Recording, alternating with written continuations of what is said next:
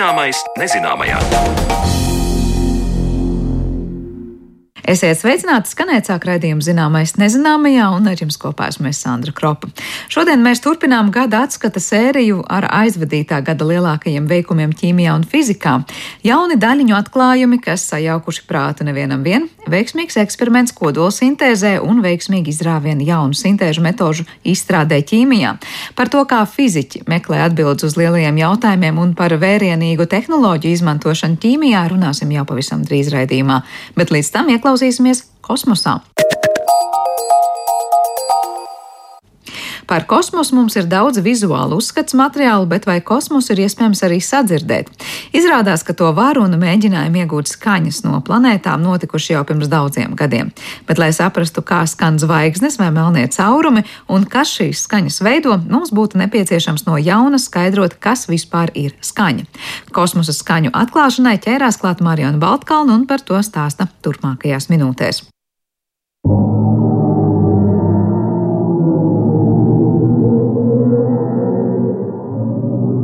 Varētu likties, ka zinātnis raidījumā netīšām iemucis kādas šausmu filmas skaņu celiņš, bet tālu no patiesības mēs neesam. Pagājušā gada augustā Nacionālā aeronautikas un kosmosa administrācija, jeb NASA, savā Twitter kontā publicēja šo audio klipu, un tas, ko mēs dzirdam, ir viens no neparastākajiem visuma veidojumiem - melnais caurums.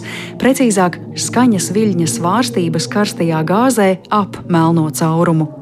Te gan jāpiebilst, ka NASA uztvertā skaņa daudzkārt pastiprināta un savienota kopā ar citiem datiem, lai galu galā iegūtu šādu spocīgu skaņu, kas varētu noderēt arī kino industrijā, un šāda skaņa nebūtu nav vienīgā NASA krājumos. Latvijas astronomijas biedrības projektu vadītājs Mārtiņš Gils sarunas laikā iepazīstina ne tikai ar tehnikas palīdzību apstrādātām, bet arī gana precīzi reģistrētām kosmosa skaņām. Mūsu kliedziens kosmosā dzirdams nebūtu, jo skaņas viļņi nevar izplatīties cauri vakumam, bet kur skaņa izplatās un kuros gadījumos mēs dzirdam kosmosu, par to turpina Mārtiņš Gils tādā klasiskā izpratnē skaņa ir svārstības, kas notiek vai nu gaisā vai ūdenī, un tad mēs ar savu ausi dzirdam. Bet, ja pieņemsim, ir radio, kas pārnes elektromagnētiskos viļņus, kas pēc būtības nav dzirdami, bet ar analogu transformāciju, ar nepārāk sarežģītām elektronikas detaļām, mēs varam iegūt šo skaņu un klausīties. Savukārt, nu, ja mēs runājam par tādu skaņu tieši kosmosā, nu, tad te ir īstenībā jāizdala vairākas kategorijas. Jo viens kosmos, tā ir tā, nu, nosacīt sakot, tukšā telpa, kur ir ļoti, ļoti maz vielas. Tur ir tāds dziļš vakums, bet eh, ir arī tādi reģioni, kur ir eh, arī gāzu molekulas, ir eh, putekļi, bet tas blīvums ir diezgan mazs un nenotiek tieši tāda miedarbi starp tām molekulām vai daļiņām, ka vienu otru pagrūž un, un veidojas tie viļņi. Tur jābūt tādiem īpašiem apstākļiem, un, un, un tad tas skaņas viļņa garums ir nesalīdzināmāk lielāks par to, ko mēs varētu dzirdēt. Tā ir vairāk tāda tā kā pārveidošana, interpretācija. Bet uh, otrs ir, uh, piemēram, planētas, kurām ir atmosfēra, planētas un arī nu, kādu planētu pavadoņi ar atmosfēru. Šajā atmosfērā skaņa var izplatīties. Tad faktiski mēs varam runāt par vidi, kas ir uh, savā ziņā līdzīga Zemē. Varbūt ir cits gāzu maisījums atmosfērā cita temperatūra, cits eh, blīvums, bet uh, skaņa tur var izplatīties, un šāda skaņa ir arī reģistrēta. Tā kā nu, te ir dažādi varianti. Viens ir tas, ka ir reāli novērotas, pieregistrētas skaņas, un ir skaņas, kuras mēs iegūstam caur interpretāciju. Un tās interpretācijas varianti arī dažādi mēdz būt. Mārtiņš Gils tādējādi uz skaņas jēdzienu aicina paraudzīties plašāk. Piemēram, ja lūkojamies uz melnbaltu attēlu, kādas detaļas varam izcelt ar krāsām, iegūt citus akcentus un paplašināt priekšstatu par attēlu. Līdzīga situācija būtu ar skaņām, piemēram, ar automašīnas izmēra robotu jeb roveru, ko NASA nogādājusi uz Marsa. Marsa roveris brauc, urbi, kaut ko pēta, bet, ja vienlaikus ir izvietots arī mikrofons, mēs varam dzirdēt, vai fonā pēkšņi nav kaut kādi neizskaidrojami blīkšķi, vai kā puš vējš. pēc tā, kā skan vējš, mēs varam saprast, kāds ir vēja ātrums, kāds ir atmosfēras blīvums. Tā ir tāda sava veida jauna papildus dimensija, kā mēs varam iegūt kaut ko vēl caur skaņu. Vēl skaņa var arī kaut ko palīdzēt interpretēt datos. Ja mēs apskatāmies skaņas ierakstu, skaņas ieraksts ir viļņi. Mēs viņus varam pētīt un pētīt. Cilvēks var to vizuāli redzēt, jā, ka tie ir viļņi. Es pats esmu ierakstījis kādreiz dabas skaņas, čivina putni. Tad es noklausos, un pēkšņi es dzirdu, ka nu, to smuko čivināšanu izjauc kaut kādā brīdī fonā esošs suns. Nu, viņš ierējās.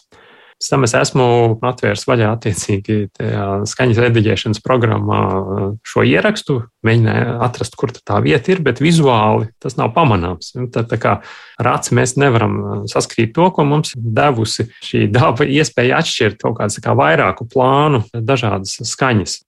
Līdz ar to mēs varbūt varam pieņemt, ka skan vai kaut kāda aktivitāte notiek visur. Jautājums, kā mēs uz to raugāmies un cik daudz mēs to tehniski spējam reģistrēt, vai ne? Nu jā, tur, kur ir eh, kaut kāda veida kustība, pieņemsim, ir kaut kādi svārstoši procesi, ja, kur ir kaut kādi viļņi veidojās, kādi triecienu viļņi, piemēram, tā pati saule. Uz saules eh, izplatās tāda sava veida skaņas viļņi, bet eh, tie skaņas viļņi ir pilnīgi citās oktāvās. Viņi ir lēni, ar lielu viļņu garumu, bet, lai mēs viņus varētu kaut kā interpretēt, viens variants ir tāds, ka mēs šīs te, nu, tādus iekšējos tādus grūdienus, jeb um, seismisko aktivitāti saules, mēs varam interpretēt arī ar varbūt kaut kādiem skaņas efektiem. Tas ir viens variants. Uz tās pašas saules, arī augšējos uh, saules atmosfēras slāņos ir vielas kustība. Un, ja mēs paņemam kaut kādu reģionu, tur sanāk tā, ka mēs varētu redzēt, kad plazma tiek kā sviesta mūsu virzienā, pēc tam viņa tiek rauta atpakaļ, un tur ir tāda tā kā mutuļošana. Un to mutuļošanu mēs varētu arī interpretēt kā skaņu. Arī pieņemsim, ja mēs paņemam kaut kādu fotografiju ar zvaigžņotu debesi, tur ir uh, tumšs attēls, kādā vietā ir vairāk zvaigznes, kādā vietā ir mazāk zvaigznes. Ir bijuši eksperimenti tādi, ka paņemot no viena gala līdz otram, tad rindiņas garumā nu, tas tiek pielīdzināts kādām notīm. Un tad, uh, velkot viņus no augšas uz leju, tajā vietā, kur ir zvaigzne, tur ieskanās tā nots.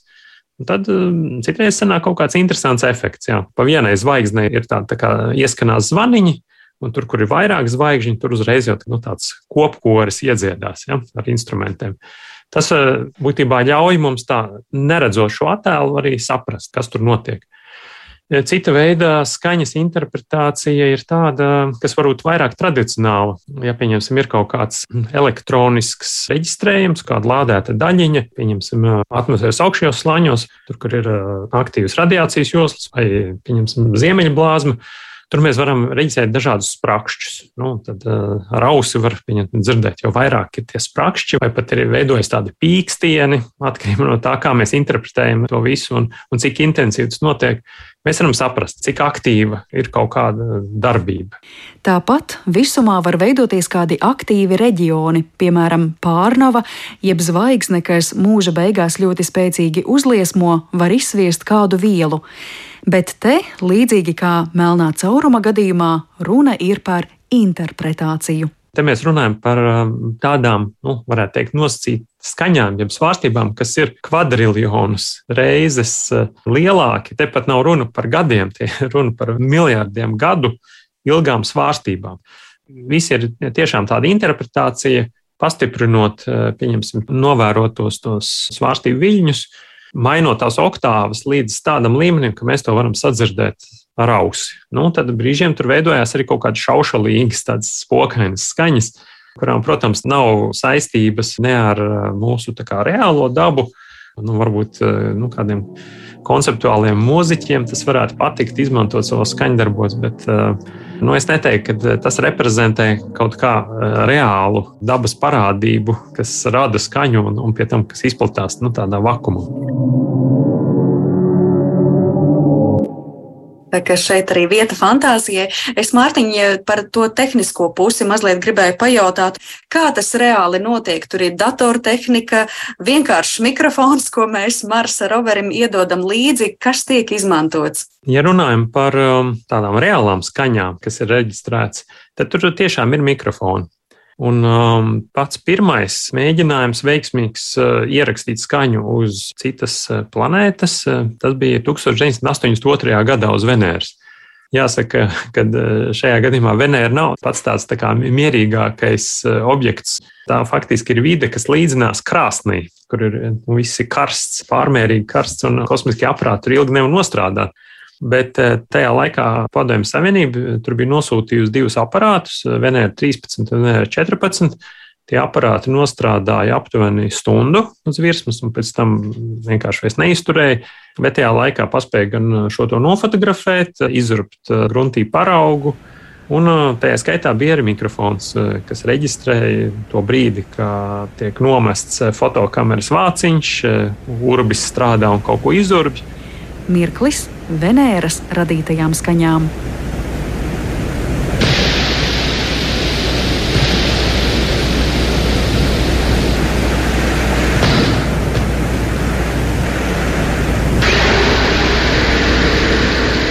bija doma, ka varbūt varēs eh, dzirdēt kaut kādus zibeņu, pērkonu dārdus, kādas vēja skaņas. Bet, nu, tieši uz Venēras tas vējš neizrādījās pārāk stiprs. Tad bija arī cerība 1999. gadā uz Marsu devās eh, tāds Mars Polar Lander. Nolaižamais aparāts tur bija mikrofons, bet uh, tieši pie nolaišanās uh, sakari pazuda ar šo aparātu. Acīm redzot, tas gāja bojā, jau nekādu ziņu vairāk nav. Un tad mikrofona eksperiments neizdevās. Tad 2005. gadā uz Saturna pavadoņa Titāna nolaidās tāda zonde Heigens. Un tur arī bija uzlikts uh, mikrofons tieši nolaišanās fāzē, lai reģistrētu kaut kādas skaņas. Tas ieraksts ir, tur var dzirdēt tādu vēja svilpoņu un apmēram tādu pašu skaņu, kāda būtu, ja arī Zemes atmosfērā laistos lejā ar vai bez izpletņa kāds objekts. Ir tādas vēja brāzmas, tieši kas veidojas tādi virpuļi.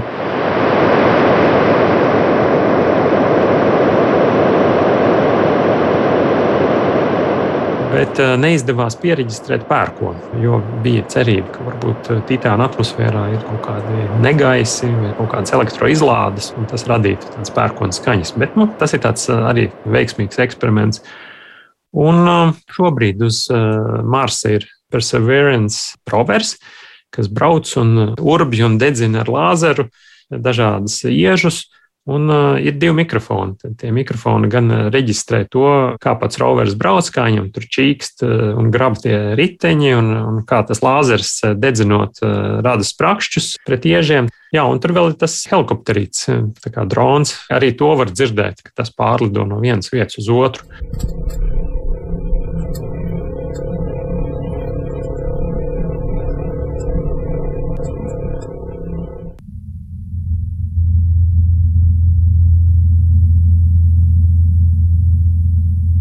Tie, kā saprotu, nav pat nekādi īpašie Marsa mikrofoni, bet nu, tādi puslīdz standarta mikrofoni aizsūtīti un diezgan labi darbojas.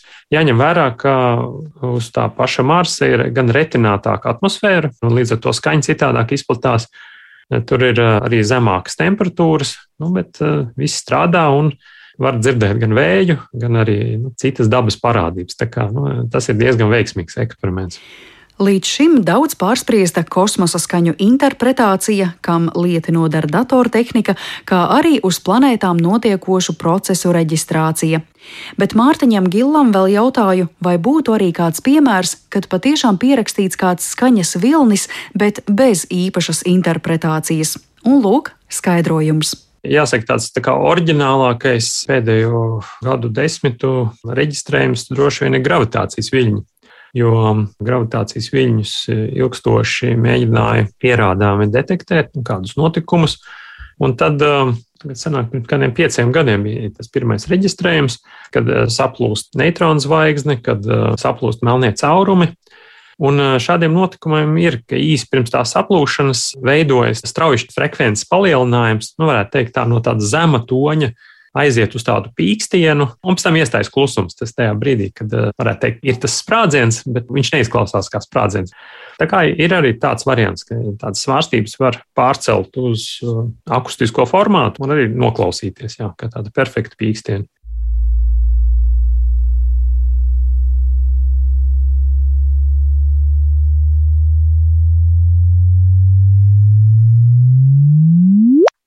Tas, ko reģistrēja gravitācijas teleskopi, tas pie tam ir nevis viens, bet nu, divi, un, un tie teleskopi nav tādi teleskopi mūsu izpratnē, kur ir tāds lēts, kas skatās augšā. Tie ir nu, tādi gravitācijas viļņu detektori. Šie detektori reģistrēja telpas deformāciju gravitācijas viļņu iespaidā. Tas reģistrējums bija nu, tā, tā kā viļņi, klasiska svārstība, bet ar pieaugušu frekvenci un šķiet arī amplitūdu. Ja ir šāda veida kaut kādas svārstības, tās jau var viegli pārlikt arī skaņā. Šeit uh, vienkārši tā akustiskā interpretācija ir ļoti veiksmīga. Tepat nebija jāpārveido kaut kādas troktāvas vai kaut kas cits.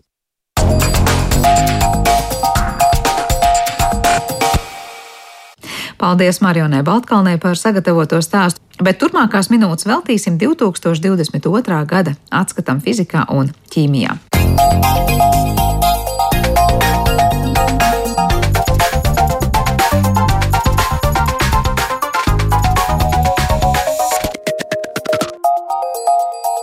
Zināmais nezināmajā. Aizvadītais gads bijis daudzsološs un do, dažbrīd arī ļoti pārsteidzošs dažādās zinātnes nozarēs, tostarp arī fizikā un ķīmijā. Turpinot mūsu gada atskatu, šodien pievēršamies tam, ko aizvadītais gads nesis fizikas un ķīmijas jomā, kādi jauni daļiņu fizikas atklājumi sasnieguši mūsu un pie kā strādājuši ķīmiķi. Par to turpmākajās minūtēs runāsim ar mūsu šīs dienas studijas viesiem, un pie mums šodien viesojas Latvijas Universitātes fizikas, matemātikas un optometrijas fakultātes profesors un Lāzera centra vadītājs Mārcis Cauziņš. Kalniņš, labdien! Labdien! Kā arī Latvijas Universitātes ķīmijas fakultātes vadošais pētnieks un ķīmijas zinātņu doktors Edvards Bačs. Labdien! labdien. Nu, sākšu ar to, kas jums šķiet 2022. gadā ir bijis tāds varbūt nu, atslēgas vārds vai notikums, vai tā sajūta, ar kādu jūs atskatāties uz aizvadīto gadu, katrs nu savā pārstāvētajā nozarē. Un sāksim ar fiziku. Kāds kopumā fizikai veiksmīgs, neveiksmīgs, pārsteigumiem bagāts ir bijis 2022. gads? Es teiktu, ka viņš ir bijis. Uh pārsteigumiem bagāts tādā nozīmē, kā man šķiet, ka nedaudz ir pārbīdījušies akcenti, par ko mēs eh, fizikā priecājamies, ka mēs eh, atgriežamies tajā laikā, kad mēs sākam priecāties par tādiem ļoti fundamentāliem, eh, principiāliem atslēgas jautājumiem fizikā. Es domāju, ka par to liecina šī gada Nobeļa prēmija un dažu iepriekšējo gadu Nobeļa prēmijas. Tas mani ļoti, ļoti priecē. No tādiem jaunu atklājumu nozīmē. Es domāju, ka viņš ir bijis viens no tiem gadiem, kas parāda, ka um, vismaz vienā komponentē šobrīd fizikā darbojas rupja spēka metode. Rupja spēka metodi saprotot, ja jums ir uh, lielākais pātrinātājs, jaudīgākais, tad jūs varat izdarīt to, ko citi nevar izdarīt. Un es domāju, ka šīs X daļiņas, pat ne atklāšana, bet, bet detālāka izpēta, kā līdz šim ir viens no piemēriem. Otrs, kas man šķiet, protams, ļoti interesanti fizika, bet, bet tomēr arī ar tādu spēka pozīcijām iegūtu, ir šī te termo kodoltermiskā sintēze, kas ir Livermores Nacionālā laboratorijā pirmoreiz iegūta situācija, kad mēs iegūstam atpakaļ vairāk enerģijas nekā mēs uh, tērējam, lai, lai to reakciju uh, iesāktu. Tā kā es domāju, ka no šī viedokļa noteikti ir bijis ļoti interesants gads. Varbūt mazāk ir bijis tādu pētījumu, kā man vienmēr ļoti patīk, ir tāds um, Deivids Klepners, Massachusetts Tehnoloģija institūtā. Profesors, kurš savā laikā definēja, kā viņam šķiet būtu jādara pētniecība. Un, un viņa tēze bija, ka nu, 50-60% spēku ir jātērē šādu uh, efektu pētīšanai, kā jau minēju, kur mēs tā kā apmēram nojaušam, kas būs. Mēs neparedzam, ka tā būs absolūti jauna fizika, uh, bet uh, kādi 40% ir jāšauj tumsā, kā viņš teica. Jātaisa eksperimenti, kur mēs uh, kā, mums nav teorijas, ko mēs gribam pārbaudīt. Viens no piemēriem, piemēram, daži mani kolēģi Berklijā, izdomāja kādus gadus atpakaļ, kad mēs zinām, ka fotoniem ir vienas īpašības un elektroniem citi. Vienus mēs saucam par fermioniem, otrs par bozoniem. Kā, un fotoni ir bozonu daļiņas. Kā, mērīsim, vai fostoniem nav neliela fermionu daļiņu pieaugums. Neviena teorija neparedz, ka kaut kas tāds varētu būt. Bet, nu, ja nu pēkšņi, nu, tad, tad sāksies absolūti jauna fizika. Bet tā ir tā šaušana tumsā. Ja? Protams, ka iedomājamies, tumsā. un tur var būt tā, ka viens dzer kafiju no rīta un izdomā, kāpēc nepapētīt. Jā, apmēram tādā līmenī mēs varētu teikt, sākas šie pētījumi. Tikai tā var rasties tāda pa īstam jauna zinātne, pa īstam jauna fizika. Jā, par to, kas jau no jūsu nosauktajiem notikumiem eh, bija manāmi 2022. gadā, sīkāk droši vien vēl arī šodien parunāsim. Eh, bet es gribu dot arī līdzīgu jautājumu vārdu arī Edvardam par to, kas ir ķīmijā bijis nu, līdzīgās eh, sakarībās, runājot vairāk tādi fundamentālie vai lietišķie, praktiskie pētījumi un par ko priecājas ķīmiķi šobrīd. Katra daļa no ķīmiķiem priecājas par savu, un tie, kas ilgi un dikti strādā pie jaunu sintēzes metožu izstrādes. Tie arī šogad ir eh, krietni, krietni labi pastrādājuši, strādājot ar eh, enzīmiem. 2018. Eh, gadā bija Nobela prēmija ķīmijā par saucamo virzīto evolūciju enzīmiem, kas paredzēja, ka mēs varam tik tālu ar mutāciju ceļu panākt enzīmu evolūciju, ka tie sāk darīt tādas ķīmiskas reakcijas, kuras noderīgas mums kā ķīmiķiem laboratorijā. Tātad aizvietojot uh, parasto šķīdinātājus smago metālu katalizētās reakcijas, mēs panākam, ka vienkāršas mazas molekulas pēc mūsu izvēles enzīmi savā starpā spēj savienot. Uh, un tātad tā sintēzes metodas uh, ir viens virziens, kur ļoti daudz atklājumu, par kuriem varbūt nav vērts ļoti skaļi un plaši runāt, bet tā ir tāda iekšēja profesionāla konkurence, kurš pirmais kurš sarežģītāku saiti izveidos eh, un, un tam līdzīgi.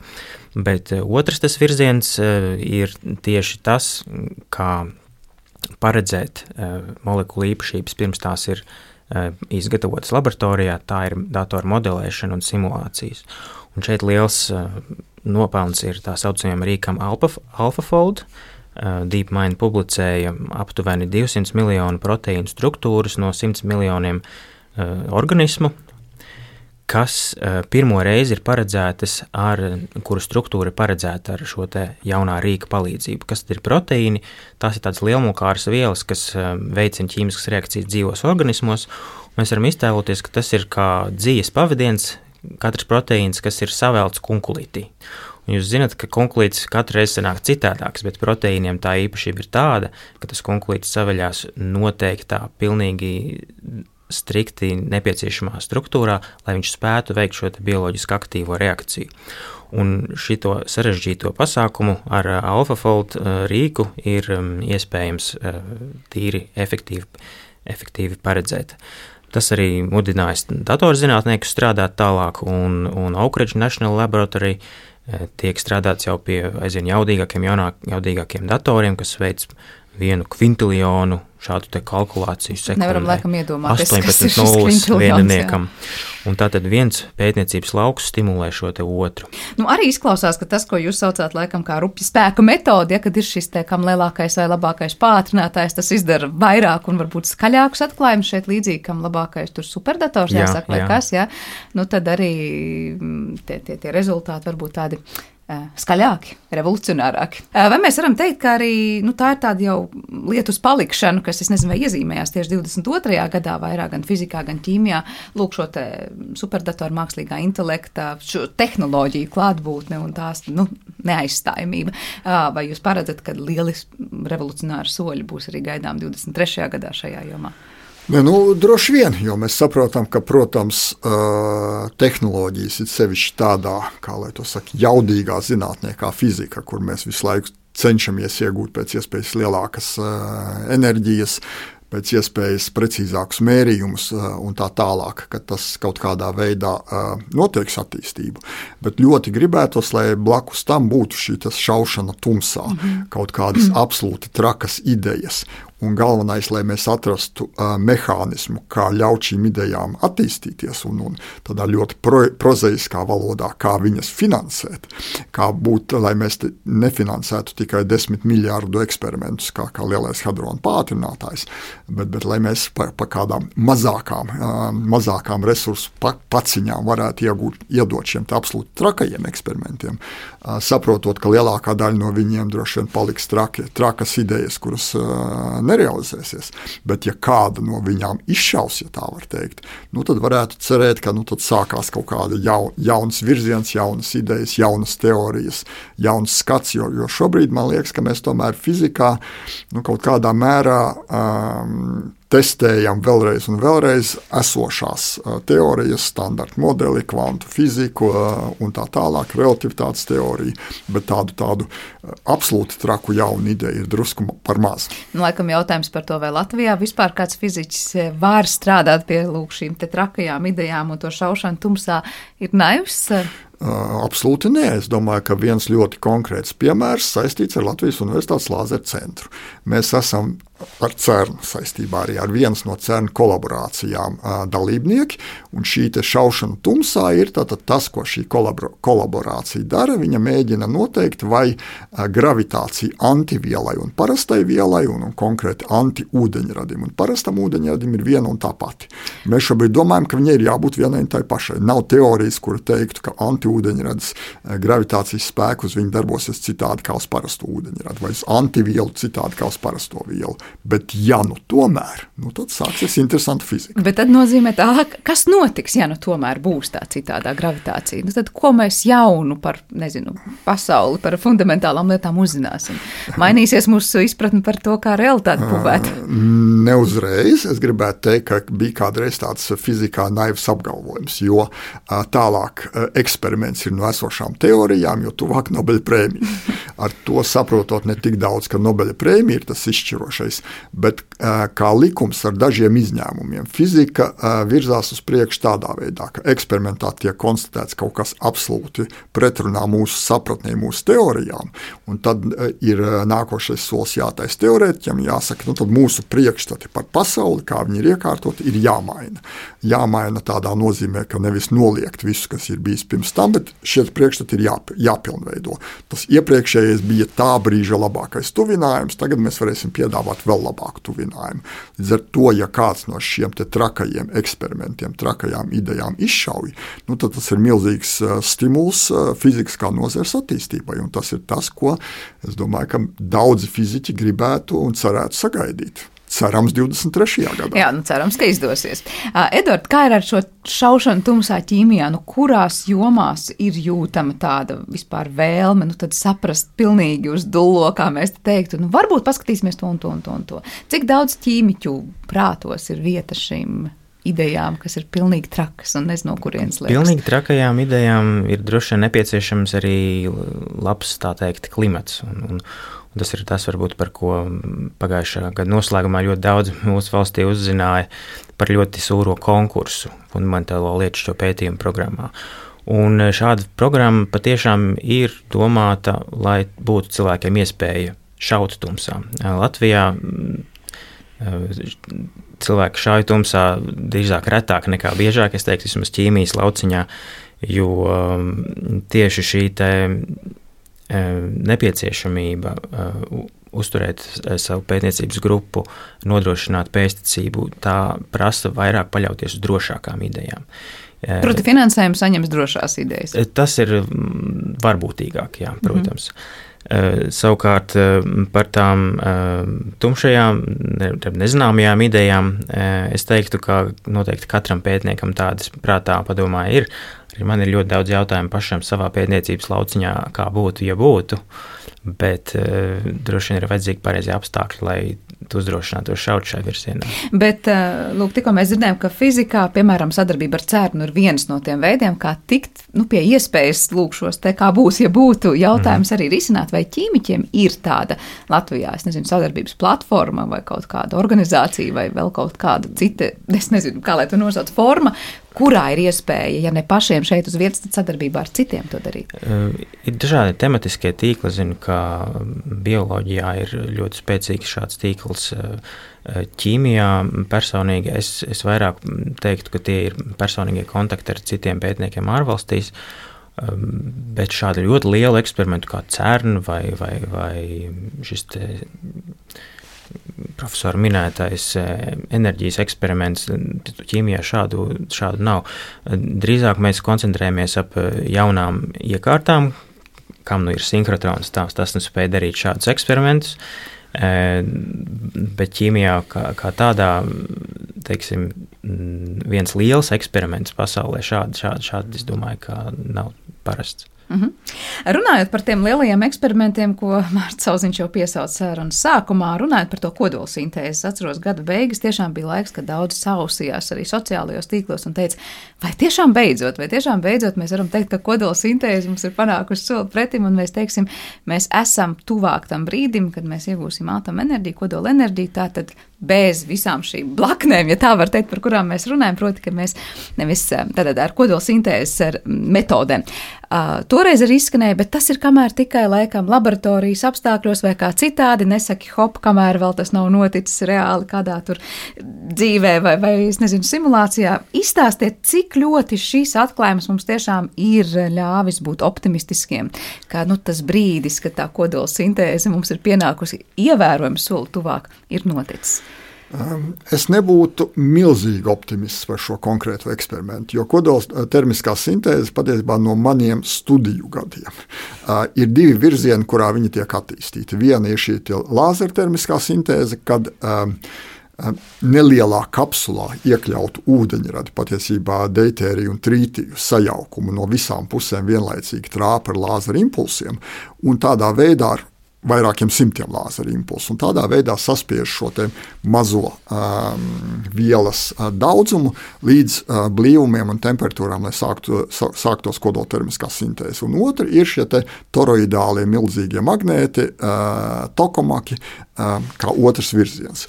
Un tas, par ko mēs runājam šī gada nogalē, ir šī lāzertermiskā sintēze, par kuru jau ļoti daudzus gadus tiek uzskatīts, ka, ka no akadēmiskā viedokļa tas ir ļoti interesanti interesanti, bet tas acīm redzot nebūs tā tehnoloģija, ko mēs izmantosim. Lai, lai, lai sadzīvē iegūtu uh, enerģiju. Līdz ar to es teiktu, ka, ja mēs domājam par kodola termisko sintēzi kā praktiski pielietojamu tehnoloģiju, tad mēs vairāk skatāmies uz um, kopu projektu, kurā piedalās Amerikas Savienotās valsts, Eiropas Savienība, vesela rinda valstu ITER, kas uh, atrodas netālu no Parīzes Kadarašā, Francijā. Uh, kurš nākošo dažu gadu laikā varētu kā tāds modeļa re reaktors sākt nu, vairāk vai mazāk ar pilnu jaudu darboties. Tas arī vēl nebūs komercreaktors, tas joprojām būs izpētes reaktors, bet tas ir tas virziens, kurā mēs drīzāk ceram iegūt šo te, um, praktiski izmantojamo tehnoloģiju. Šis varbūt ir tāds no tehnoloģiju viedokļa ļoti interesants, viens no maniem paziņām, diemžēl tagad jau dažus gadus nelaiķis Brīvs Šors ilgus gadus ir bija Livermores Nacionālās laboratorijas darbinieks un pie šī projekta strādāja. Kādu brīdi viņš bija lielā sajūsmā, kādu brīdi viņš bija daudz mazākā sajūsmā par, par šiem rezultātiem. Bet es domāju, ka tas vairāk ir no tāda zinātnes, tehnoloģijas viedokļa ļoti interesants rezultāts, jo līdz šim nevienam nebija izdevies. Un tur ir ļoti daudz tehnoloģisku izaicinājumu, lai visi lāzera impulsi būtu precīzi sasinhronizēti. Jo pretēji mēs viegli varam iedomāties, ka mums ir maza milimetru bumbiņa, un mēs šaujam ar pārsimts lāzeriem no visām pusēm viņai virsū, un kāds lāzers izrādījās drusku spēcīgāks, un viņi vienkārši izsit ārā un viņi aizgāja kaut kur. Uh, ne tur, kur mēs gribam. Līdz ar to tas ir milzīgs tehnoloģisks izaicinājums, kā jau teicu. Pie tam šeit ir dažas inovatīvas lietas, ja tā var teikt. Patiesībā mēs vairs nešaujam ar lāzeriem pa šo mazo bumbiņu, bet par vēl vienu apvalku, kurš sāk ģenerēt uh, eh, rentgena starojumu. Un tad šis rentgena starojums ir tas, kas inicē šo kodotermisko uh, reakciju. Līdz ar to tehnoloģiski ļoti interesanti, no fizikas viedokļa ļoti interesanti, vai komercializējums visdrīzāk, ne. Bet ne, visdrīzāk ne tuvākā laikā, vai visdrīzāk ne vispār? Uh, visdrīzāk, nu, tas ir ļoti riskants apgalvojums. nu, gribiet, no manis, tā, nu, tālā nākotnē. Bet, bet es teiktu, ka, ja mēs domājam par komercializējumu kodoltermisko sintēzi, tad mēs daudz, daudz, daudz vairāk domājam par tokomakiem nekā par šo lāzeru sintēzi. Tad sanāk tā, ka šobrīd tas, ko mēs esam pozitīvi saklausījuši no šī eksperimenta, ir tas, ka mēs tehnoloģiski esam varbūt ierā, iemācījušies jau kaut ko izdarīt, un visticamāk tā tehnoloģija mūs aizvedīs varbūt vēl vispār pavisam citā jomā, pie kādiem citiem pielietojumiem. Ne tik daudz, ka tas palīdzēs mums tiešām to enerģiju iegūt nu, tādā vidēji draudzīgākā un arī mums tiešām ļoti efektīvā veidā. Pavisam noteikti, un es domāju, ka šie te, tehnoloģisko risinājumu iespējamie pielietojumi citur, ka mēs viņus brīžiem nelīdz galam novērtējam. Ja pavisam īsts piemērs, mēs daudz esam runājuši par gravitācijas viļņiem, nu kā tādu nedaudz eksotisku eksperimentu, kas dažus gadus atpakaļ saņēma Nobela prēmiju. Tas, ko, ko mēs līdz galam nevienmēr tā kā apzināmies, iespējams, ka mums ir interferometrs, kuram tas, tas lāzera stara ceļš ir 4 km garš, un tas, ko mēs spējam nomērīt, ka šis 4 km garais ceļš palielinājās par vienu tūkstošdaļu no kodola izmēriem. Un, un to tā kā vajag prātā aptvert, ko tas nozīmē, kāds, kādu tehnoloģisku izaicinājumu mēs esam risinājuši. Un ja mēs spējam ar šādu precizitāti mērījuma precizitāti pacelt līdz šādam līmenim, tad atkal es nepateikšu precīzi, kuru nu, tas tehnoloģiski noderēs, bet tas pavisam noteikti ir jauns solis tehnoloģijā, kas noderēs ļoti daudz kur. Nu, praktiskās lietās. Ļoti praktiskā, jā, praktiskās lietās, kurās, kurās, kuras kaut kādā brīdī arī mūsu dzīvi padarīs vēl labāku un vēl vienkāršāku. Jā, un tur būs arī tas pārsteiguma moments, ka, lūk, mēs varbūt sākam lietot kādu tehnoloģiju, nezinot, ka pirms kaut kādiem gadiem tas viss notika pateicoties šim varbūt eksperimentam un sasniegumam. Edvards, vai ķīmijā ir līdzīgi piemēri, kur varbūt nu, tas sasniegums, tehnoloģiskais sasniegums tajā brīdī ķīmijas, varbūt pat specifiskā lauciņā mums atrod pielietojumu kaut kur pēc tam, nezinu, vai gluži sadzīvē uzreiz, bet kādā no tehnoloģijām, ko mēs lietojam, nu, pilnīgi citā jomā ar varbūt zāļu vielu neradīšanu saistītā lietā vai ar, prot, ar ķīmiju nesaistītā lietā. Vai kur ķīmija mums palīdz no tādām ļoti fundamentālām un ķīmijai svarīgām lietām nonākt pie tādiem plaši lietojamiem labumiem? Nu, domāju, šī enzīma pētīšana, kas ir sākusies jau pagājušā gadsimta sākumā, ir neapšaubām novedusi pie daudzām praktiskām lietām, pat sākumā neapzinoties, kas tā varētu būt. Mēs nevarējām iedomāties, ka cilvēks spēs radīt enzīmu, kas ir spējīgs sašķelt polimēru materiālus. Īstenībā tā ir viena no lietām, kas pagājušajā gadā ir notikusi. Apmēram 38 reizes ir palielinājusies efektivitāte tādam no enzīmam, kas spēj sagraut polietiltereftalātu. Tas ir pēc materiāls, no kā ir izgatavots ļoti daudzas lietas mūsu apkārt. Un sašķelt tik stabilas ķīmiskas vielas nebija cilvēkiem padomā, ka tikai būtu iespējams. Bet tad, kad tā sašķelšana notiek, mēs varam teikt, o, varbūt tas ir lielisks risinājums mūsu šobrīd lielajai, pieaugušajai, nezinu, kā risināmajai plasmas problēmai, vai sašķeļot, mēs atkal, teiksim, tur rodas atkal jaunas problēmas, jaunas vielas un jaunas. Šādā rezultātā polimērs tiek sašķelts monomēros, respektīvi izēvielās, no kā tas tika taisīts. Tas Tad pamēr... mēs vairs nerunājam par to, ka tā ir mikroplasmas vai kaut kas cits. Nē, ar mikroplasmas ir daudz citu problēmu, protams, un šajā raidījumā manuprāt, pirms dažām nedēļām bija runa par mūžīgiem ķimikālijiem, par floru saturošiem savienojumiem. Un eh, arī šajā lauciņā ir kā stabila molekula, par kuru ir zināms ļoti sen, un, cilvēki nedomāja, ka ar to kaut ko iespējams, bet ir panākts, eh, ka mēs spējam šo sas, sašķelt mazāk kaitīgās vielās. Tātad šīs te fluoru karbonu skābes, kuras, kuras salīdzinoši maigos apstākļos varam, varam neutralizēt. Līdz šim vienīgais veids bija tās vai nu noglabāt, vai arī sadedzināt ārkārtīgi energo dārgos procesos, bet, diemžēl, tas joprojām arī neatrisina problēmu ar šīm floru ķimikālijām, kas uh, cirkulē vidē. Un Stokholmas Universitātes pētnieki atklājuši, ka fluorētās karbonskābes pat ir lietus ūdenī sastopamas, un tām ir loma aknu slimību izraisīšanā un tā tālāk. Un, ja tu pieminēji mikroplasmasu, tad pagājušais gads ir bijis tas, kas pierādījis, ka mikroplasmas ir sastopama pat abos mūsu zemes polos. Jā, mikroplasmas arī no citu jomu zinātniekiem dzirdējām, ir sastopama mūsos jau, es nezinu, gan asinīs, gan urīnā, gan daudz kur citur. Tā kā ne tikai zemes abos polos, bet arī mūsu, nu, katrā šūnā te vai laikam jāpārspīlē un jāsaka, bet tā var teikt, ka no ķīmijas mēs tuvākos gados, un ķīmiķi to jūt, sagaidīsim to maģisko risinājumu arī vidus problēmu risināšanā. Lūk, tas ir jautājums, ko, ko, ko cilvēki liek liels likmes uz ķīmiju, kā uz vienu atslēgu, bet ļoti daudz klimata pētnieku un, un arī citi speciālisti ir atzinuši, ka lielo problēmu risināšanai Diemžēl nebūs vienas konkrētas atbildes un zelta vidusceļa. Tas būs komplekss risinājums, tāpat kā redzam enerģijas avotus. Šobrīd mēs redzam, lai nodrošinātu stabilitāti, ir vajadzīga diversifikācija ar dažādiem enerģijas avotiem, kodolenerģija tajā skaitā. Vienas zelta panacējas, diemžēl, nebūs. Un, un skatoties uz nākamo gadu, un nesen aizritējuši šo klimatu konferenci Eģiptē, kur kļūst skaidrs, ka 1,5 grādu mērķi mēs nespēsim sasniegt, tad tiek paredzēts, ka maza daļiņa šīs problēmas risināšanā būtu CO2 saistīšanas tehnoloģijas no gaisa kuras līdz šim ir bijušas ārkārtīgi dārgas un, un, un maz efektīvas. Tas ir tā otra lieta, pēc mikroplasmasas, ko gribēju vaicāt, cik ļoti lielā mērā, arī fizika un ķīmija kopā nākot, var palīdzēt un izskatās, ka varētu palīdzēt šo dažādu tehnoloģiju nu, pielietošanā, izveidošanā, jo nu, gaidām mēs tās maģiskās tabletes, protams, paturot prātā, ka nebūs maģiskā tableta pret to, ko savākt un kā, kā savākt, bet tas būs ļoti vērā ņemams palīgs droši vien, lai risinātu. Nu, cik daudz tas attiec uz klimatu pārmaiņām un tieši CO2 aktīvu pārvēršanu. Tur, protams, ķīmijai ir visas tiesības būt tai, kam ir jāuzņemas atbildība. Jā. Tad reāli tas ir, mēs varam teikt, nezinu, cik pārskatāmā nākotnē, kad ķīmiķi sāks tiešām domāt par to, kā savākt jauno gaisu, tur to, kas mums ir šobrīd krietni par daudz, un pārvērst to domāšanu un darbību šajā virzienā norit nepārtraukti. Ticiet man, tas ir viens no aktīvākajiem pētījumu lauciņiem arī pagājušajā gadā.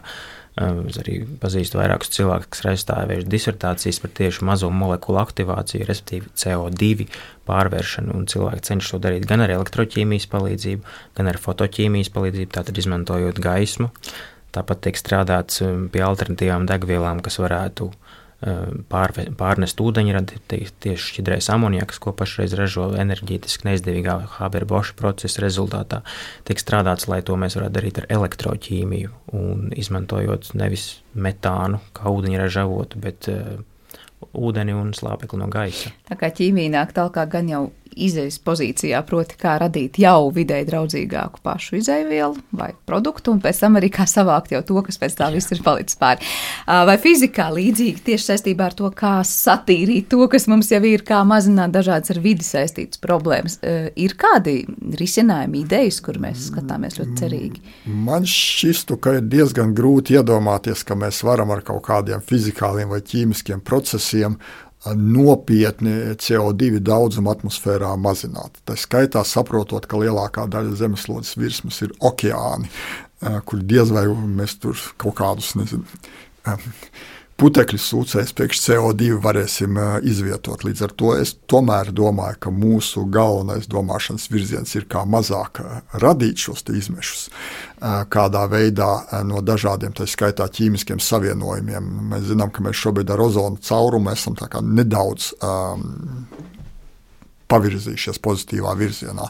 Vienkārši ievē, ievē, ierobežojot noteikti ķīmisku vielu, gāzu, freonu izmantošanu, sākot ar nezinu, aerosoliem un, un, un, un, un leduskapiem un tā tālāk. Tā kā man šķiet, ka, protams, tas neizslēdz, ka mums ir jādomā, kā, kā vēl papildus līdzekļi, dažādi procesi, kā, kā varbūt savākt no atmosfēras tā, ka, kas tur ir par daudz. Bet es domāju, ka galvenais risinājums ir mūsos vienkārši uh, nesārņot. Nu, jā, tie ir tie uzvedības pārmaiņu modeļi, jā. par kuriem mēs daudz runājam, un kas, protams, to neatceļ. Bet pamazām noslēdzot mūsu sarunu, ir vēl tā viena lieta, ko jūs pieminējāt sarunas sākumā par cernu un šo X daļiņu. Um, atgādiniet klausītājiem un pastāstiet klausītājiem, vai tas nozīmē tas, kā pētīja šo daļiņu šajā gadā cerns, ir kaut kāds milzīgs solis, ko mēs varam teikt, nu, tā ir tāda desmitgades fizikas lieta, kas ir notikusi, vai tas ir tāds nu, ierindas labs pētījums un ierindas atklājums tiem cilvēkiem, kas ar šīm daļiņām strādā. Man, man ļoti negribās būt ļoti piezemētam, bet, bet patiesībā ši, šis te konkrētais mezons, jo ir diva veida, ja tā var teikt, smagās daļiņas. Barioni, tie, pie kuriem mēs esam pieraduši, protoni, neitroni, kas sastāv no nepāra skaita protonu un neitronu konkrēti no trīs kvarkiem, un tad ir šīs lielā mērā eksotiskās daļiņas mezoni, kuras sastāv no diviem kvarkiem, pie tam kvarka un antikvarka. Tas nozīmē, ka vienā daļiņā ir daļiņa un antidaļiņa, kvarks un antikvarks. Tas nozīmē, ka viņas visas ir ļoti neilgi dzīvojošas, jo, jo šāds viela un antiviela kopā pastāvēt ilgi eh, nevar. Un šo konkrēto daļiņu, kurai vēl nav nosaukuma, un tādēļ mēs viņu saucam par X daļiņu, atklāja jau 2000. gada pašā sākumā. Līdz ar to tas nav kaut kas pavisam jauns. Arī šī konkrētā gadījumā tie nebija galīgi jauni eksperimenti. Tie bija eksperimenti, kas tika veikti, man liekas, 2018. gadā. Un CERNā viena no lielajām problēmām ir, ka sadursmi ir ļoti daudz un datu ir nenormāli daudz. Pat pie milzīgiem datu resursiem CERNā visus sadursmju detektētos datus glabāt nav iespējams. Līdz ar to viens no izaicinājumiem ir pateikt, vai šī konkrētajā sadursmē šajos datos ir kaut kas atšķirīgs no, no vidējā, un vai viņu vispār glabāt vai nē. Un, ja viņu glabā, tad iespējams, ka viņš ilgus gadus, un šī gadījumā gadus piecus ir gulējis vienkārši datu glabātuvēs, un tad šie dati ir sākti analizēt. Daļiņa, protams, ir ļoti eksotiska, jo viņa sastāv nevis no kvarka un antikvarka, bet diviem kvarkiem un diviem antikvarkiem. Fiziķi šobrīd patiesībā strīdās, vai ir, tās ir divas daļiņas, kas kaut kādā veidā ir tādā kā daļiņu molekulā asociējušās, vai tā patiešām ir daļiņa, kas sastāv no šīm diviem kvarkiem un diviem antikvarkiem. Daļiņas piedzīvo ļoti īsu laiku, un daļiņu patiesībā neviens arī cernā nav redzējis. Ir redzējis tikai šos sa, sa, sabrukšanas produktus ar kārtu apmēram simts notikumus. Līdz ar to viņu ir pietiekoši daudz, lai viņus sāktu nopietni analizēt. Uh, un varbūt vēl viena tēze pie šī, ka, ka patiesībā nu, šī daļiņa atbilst standarta modeļa, uh, mūsu sapratni par to, kāda pasaule no elementāra daļiņām ir uzbūvēta. Priekšstatiem vienkārši viņa ir eksotiska tādā nozīmē, ka šeit ir šis, šie uh, četri kvarki. Līdz ar to tas ir interesanti, tas droši vien turpināsies kā pētījumi, bet tas nav ta, ta, tas, kā man šķiet, notikums, kas radīs principiāli jaunu fiziku. Tātad interesanti, bet ne tik ļoti revolucionāri, lai mainītos tas, kā mēs uh, lai runājam. Mēs koriģētu standarta modeli un teikt, ka mums tā kā ir jāiet Jā. mājās un, un, un jāsāk domāt, kā viņu uzlabot. Jā, nu mājās neejot un nedomājot, kā to uzlabot. Noslēdzot jums abiem jautājums, kā jūs nu, jau izskanēja mazliet prognozes uz to 23. gadu katrā savā jomā. Jūs cerat, kurā virzienā vairāk turpināsies tās tendences, vai arī jūs teiksiet, ka priecāsies par tiem pašiem fundamentālajiem pētījumiem, vairāk fizikā varbūt, vai, vai, vai tās tehnoloģijas nospēlēs to izšķirošo lomu, vai atkal no, no ķīmijas puses, nu, kuru virzienu jūs iezīmētu kā to, kas noteikti sev pieteiks 23. gadā? Sākšu ar ķīmiju. Tad. Es teiktu, ka tā noteikti ir turp, turpināts darbs ar, ar visu, kas saistīts ar dzīvo. Un, un bioloģija un ķīmija ir ārkārtīgi saistītas nozares, un, un tā ķīmija mūsdienās praktiski tādā pielietojuma līmenī vairs nav iespējama bez ļoti padziļinātas bioloģijas saprast. Tāpēc arī pagājušā gada Nobela prēmija parādīja to, ka mēs ar ķīmi, ķīmiskām metodēm spējam saprast, kā strādā bioloģiski organismi Un, un šis būtu tas virziens, kurā būtu, domāju, vislielākā attīstība. Arī pateicoties nesenajām likstām ar, ar, ar, ar vīrusiem un tādām lietām. Tā kā daudz dzirdēsim tieši kontekstā ar dzīviem organismiem un dzīvām sistēmām. Fizikā kā? Man ļoti gribētos cerēt, ka šī te tendence, kuras mēs īpaši neizvērsām, un droši vien tas nav šis brīdis, bet, bet pat tas, ka, ka interese par tādām ļoti fundamentālām lietām fizikā, manuprāt, palielinās, un palielinās arī tādā finansējošo institūciju nozīmē, ka sapratne, ka tas ir kaut kas, ko, kam ir vērts pievērst uzmanību. Man ļoti gribās cerēt, ka šī tendence turpināsies. Mums ir fizikā ļoti daudz jautājumu, par kuriem mums ir galīgi nav atbildes. Droši vien es nezinu, vai šajos raidījumos izskanēs, bet mēs patiesībā zinām apmēram 5% no tā, no kā visums ir uzbūvēts. Mūsu piecreiz vairāk tumšās matērijas, par ko mums nav nojausmas, kas tas ir. Tumšā enerģija, kura, kuras interesants izpausmes mēs redzam, bet kas patiesībā nav pat enerģija kaudz neatbildētu jautājumu. Man ļoti gribētos cerēt, un, un nekad nav iespējams prognozēt, kad, bet gribētos cerēt, ka nākošais gads būs tas, kas uz kādu no šiem jautājumiem sāks piedāvāt atbildes. Atkal interesants, vismaz versijas, kuras izvērtēt tālāk un skatīties, Jā. kas no tā strādā un nestrādā.